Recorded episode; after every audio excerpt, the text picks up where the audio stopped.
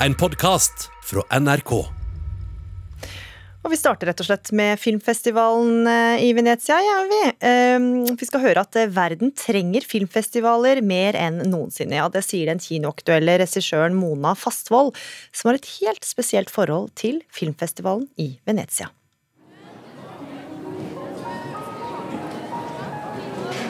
«1500 mennesker i en kinosal, det er utrolig Det var veldig rørende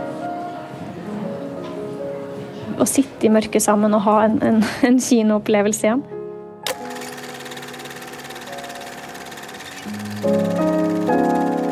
Filmskaper og regissør Mona Fastvold mimrer tilbake til denne tiden i fjor. Da viste hun for første gang frem sin storfilm The World To Come på filmfestivalen i Venezia. Filmen som i dette øyeblikk går på norske kinoer, med stjerner som Casey Affleck, Catherine Waterston og Vanessa Kirby i hovedrollene. Jeg er jo takknemlig for at jeg hadde så gode skuespillere, men, eh, men alle er jo bare folk når man setter seg ned og begynner å jobbe. I år er Fastvold tilbake på verdens eldste filmfestival, som en del av juryen for en av konkurransene. Hun skal velge ut sine favoritter blant filmer fra hele verden. Så jeg håper veldig at jeg oppdager en helt ny, spennende stemme. Det er det, det syns jeg har vært veldig spennende. Hvis jeg plutselig finner en, en, en eh, ny uh, regissør eller skribent som, måte, som kommer med noe helt nytt og spennende. Noe som overrasker. Måten vi konsumerer film på, har forandra seg noe. Eh, flere strømmer og færre går på kino. og Samtidig så har jo TV-serier fått en større posisjon. Gjør det filmfestivaler som denne mer eller mindre viktig? Jeg tror disse festivalene har blitt enda mer viktigere, fordi dette nå blir den eneste arenaen hvor de litt mindre synlige filmene finner et sted. Så, men, men, samtidig kanskje også finner et samarbeid med en, en Netflix eller en, eller en, Hulu eller Mubi, uh, som, som, kan måte, som, kan skape et enda større publikum for uh, en, en, film som ikke nødvendigvis ellers kanskje ville funnet et, uh, et, sånt, et hjem hvor den hvor den nådde et stort publikum. Så er det jo også kanskje noe litt sånn spesielt over uh, denne byen. da, Den melankolske byen som synker ned i havet. Um, så på et vis er det jo, det er jo noe romantisk da, over Venezia også. Uh, kan du noe italiensk? Jeg kunne ganske godt italiensk for 17 eh, år siden jeg bodde her, men nå så Jeg tror ikke jeg skal prøve meg på det nå. Hvis jeg skal si, jeg skal si lykke til Venezia på italiensk, hva, hva skal jeg si da? uh, hva er det for? Ikke Bon Fortunata or something like that? Eller noe, ja, Fornata, bon Fortunata, ja. Venezia. Nei, du må ikke se på det her, altså. Og reporter her var Christian Ingebrigtsen. Ja, og Under filmfestival i Venezia så skal det vises 21 filmer i hovedprogrammet og ni utenfor konkurransen. og Det skal skje mellom nå og neste lørdag. Birger Vestmo, du er jo filmkritiker her i NRK og er med oss nå direkte fra Venezia. Hvilke filmer ser du mest fram til under årets festival? Jeg er veldig spent på Dune, som skal vises på fredag. Det her er jo da en ny filmatisering av Frank Herberts kjente sci-fi-roman fra 1965, som det har vært laga film av før. David Lynch gjorde det i 1984, men hans versjon er jo regna som en nesten uforståelig film, og en av hans svakeste. Da er jeg nok mer optimistisk til filmen som skal vises her i Venezia, for den er laga av canadiske Denis Villeneuve, som aldri har laga en dårlig film. Han er jo kjent for bl.a. Sicario, uh, Arrival og Blade Runner 2049, og kan vise seg å være mannen som skal lage den definitive versjonen av Dune. Og Dune er også bitte litt norsk, stemmer ikke det? Ja, Det er riktig det at Villeneuve og um, skuespiller Timothy Chalamet hadde noen innspillingsdager på Vestlandet som visstnok skal forestille hovedpersonens hjemplanet.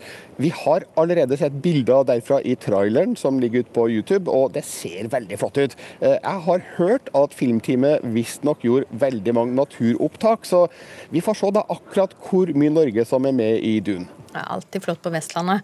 Um, en annen av årets Venezia-filmer handler om prinsesse Diana. Uh, fortell litt om det. Ja, Filmen heter 'Spencer', som jo var prinsesse Dianas etternavn før hun gifta seg med prins Charles i 1981.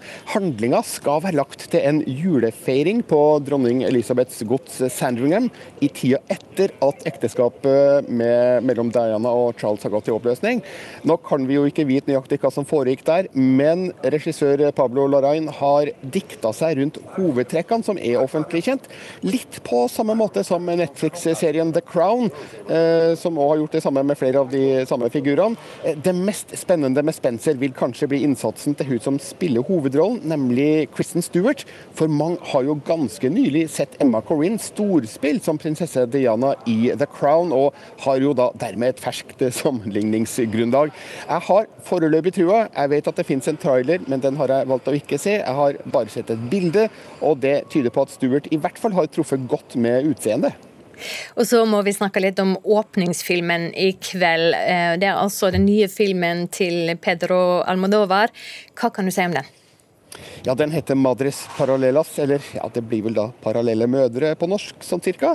Eh, den handler om to vordende mødre, en eldre og en yngre, som blir lagt inn på sykehus på samme rom. Eh, og så har de minst to fellestrekk, nemlig at eh, begge er single og har blitt gravide uten å egentlig ville det. Og så oppstår det et nært vennskap, eller ja, fellesskap mellom dem, som skal føre til store forandringer for dem begge. Og vi snakker jo her om en regissør som har laga mange filmer med kvinner i sentrum. Eh, vi husker f.eks. Eh, debutfilmen 'Kvinner på randen av nervøst sammenbrudd', storsuksessen 'Alt om min mor', eh, 'Volver' og 'Julietta'. Alt tyder på at Almodovar gjør det også denne gangen, og det med en av sine favorittskuespillere i rollen som den eldste gravide, nemlig Penelope Cruz, som han har laga åtte filmer med, inkludert den her.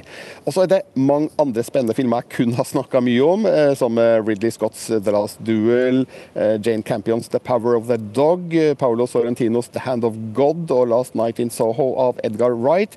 Men eh, ja, det er en tid for alt, og festivalen må få lov til å åpne først. og Det er det altså Madres Parallellas som gjør i kveld. Og jeg ser den allerede om et par timers tid på en pressevisning her i Venezia, så ja, det blir spennende. Ja, Vi skal nok høre mer fra deg. Takk skal du ha, filmkritiker Birger Vestmo. If we say his name five times while looking in the mirror, we could summon him. Summon the Candyman. Hell no. Ja, her hørte vi klipp fra den amerikanske skrekkfilmen Candyman, og den skapte historie i helga. Hva var det som skjedde, reporter Anne Skifjell? Skrekkfilmen Candyman eh, hadde en veldig god premierehelg. Det var faktisk den filmen som solgte flest billetter i USA. Og det gjorde regissør Nia da Costa historisk som den første svarte kvinnen som får dette til. Eh, filmen fikk inn mer enn 22 millioner dollar, eller 193 millioner norske kroner eh, ifølge selskapet Box Office Mojo, og det er høye tall med tanke på pandemien. Filmskaperen har en veldig kort karriere bak seg. Eh, har, dette er faktisk den andre filmen hun regisserer. Eh, og tidligere så var det Ava DuVernay som hadde kommet nærmest da hun debuterte som nummer to med filmen A Wrinkle in Time i 2018. En ganske fersk regissør også. Hvor viktig var det for henne at eh, denne filmen fikk en kinopremiere? Tidligere så har Da Costa uttrykket at eh, filmen var laget for kino og for et fellesskap å oppleve sammen. Hun har bl.a. skrevet på Twitter at eh, eh, den kollektive opplevelsen av traumer, eh, glede, lidelse og triumf, og historien rundt, vi forteller rundt det, er viktige å få. Mm. Og så er det Candyman, altså skrekkfilmen. Hva er det den handler om? Eh, jo, det er jo en, en fortsettelse på den klassiske Candyman-filmen fra 1992.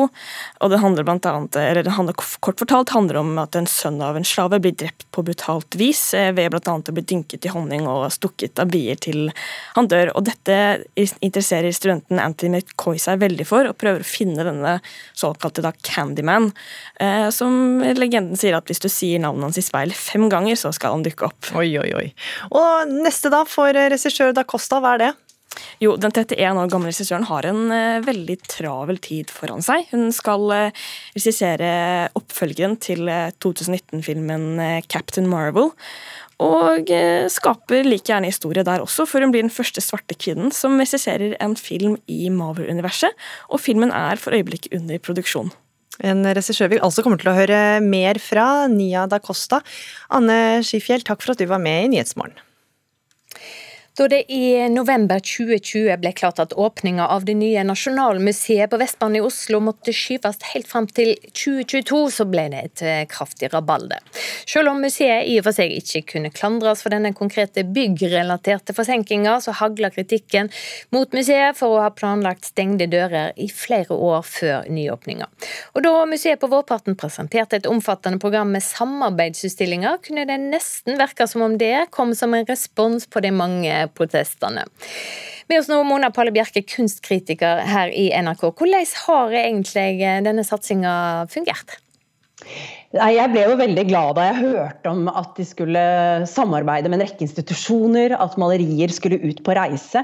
Men en av de tingene som jeg var veldig spent på da, det var jo om Nasjonalmuseet ville ta et eierskap til noen av disse utstillingene, eller om de bare ville spille rollen som en type passiv utlåner og overlate da til vertsinstitusjonene å skape utstillinger eh, ut av det. Ja, Hvordan ble det da? Ja, Det var jo uh, fantastisk i det hele tatt at vi fikk tilgang til deler av samlingen igjen etter flere år. Men jeg syns det er innmari rart at Nasjonalmuseet ikke griper denne gylne muligheten med begge hender til å vise seg frem etter all kritikken. Til å på en måte gjenopprette sitt gode navn eh, og rykte. Det var jo sånn at De to største utstillingene, som var storsatsingene på en måte, da på Blåfarveverket og på eh, dronning Sonjas kunststall, at de, der var Nasjonalmuseet i veldig liten grad involvert i kurateringen, altså i utformingen av utstillingen. Og det er veldig synd, for her har nemlig Nasjonalmuseet en helt unik kompetanse. Og jeg mener at begge disse utstillingene kunne profitert veldig på denne spesialkompetansen. For de er preget av det man kan kalle en type kuratoriell generaltabbe. Nemlig at de Eh, involverer eller inkluderer alt altfor mye, og ikke har klart å eh, på en måte fatte utestengende valg. Eh, så det, er jo, det å skape en utstilling det er jo ikke bare å stille ut en masse bilder eller kunstgjenstander. Det handler om gjennom kunsten å undersøke noe. Løfte frem en tematikk. Eller skape en meningsbærende større helhet. da. Ja, og det mener du Nasjonalmuseet burde ha eh, bidraget mer, mer til? Helt definitivt, men det er jo også eksempler på utstillinger der de faktisk har vært litt mer aktive. Og det er jo da f.eks. i Kunstnernes hus, i den eh, knøttlille utstillingen Ritt de Passage, som er meget velkuratert og resultatet av et veldig tett samarbeid mellom institusjonene. Og denne handler om overganger, forvandlinger, en type terskeltematikk som blir utforsket på en veldig spennende måte. Dette er eksempel på det Nasjonalmuseet burde gjøre mye, mye mer av. Og I tillegg så har de da på Teknisk museum en vandreutstilling Eh, Gerhard Munthe 'Eventyrlige interiører', som er en perle av en liten utstilling, og Nasjonalmuseet på sitt aller, aller beste. Men heller ikke denne utstillingen kan egentlig nytte som et forsvar for Nasjonalmuseet da, i denne kritikken om at de, det er for lite skapende virksomhet. For dette er en preprodusert utstilling der det grunnleggende idéarbeidet ble gjort for, i 2018. Takk skal du ha, Mona Pale Bjerke, kunstkritiker her i NRK. Hele denne evalueringa av eh, sommersatsinga til Nasjonalmuseet den kan du finne på nrk.no anmeldelser. Du har hørt en podkast fra NRK. Hør flere podkaster og din favorittkanal i appen NRK Radio.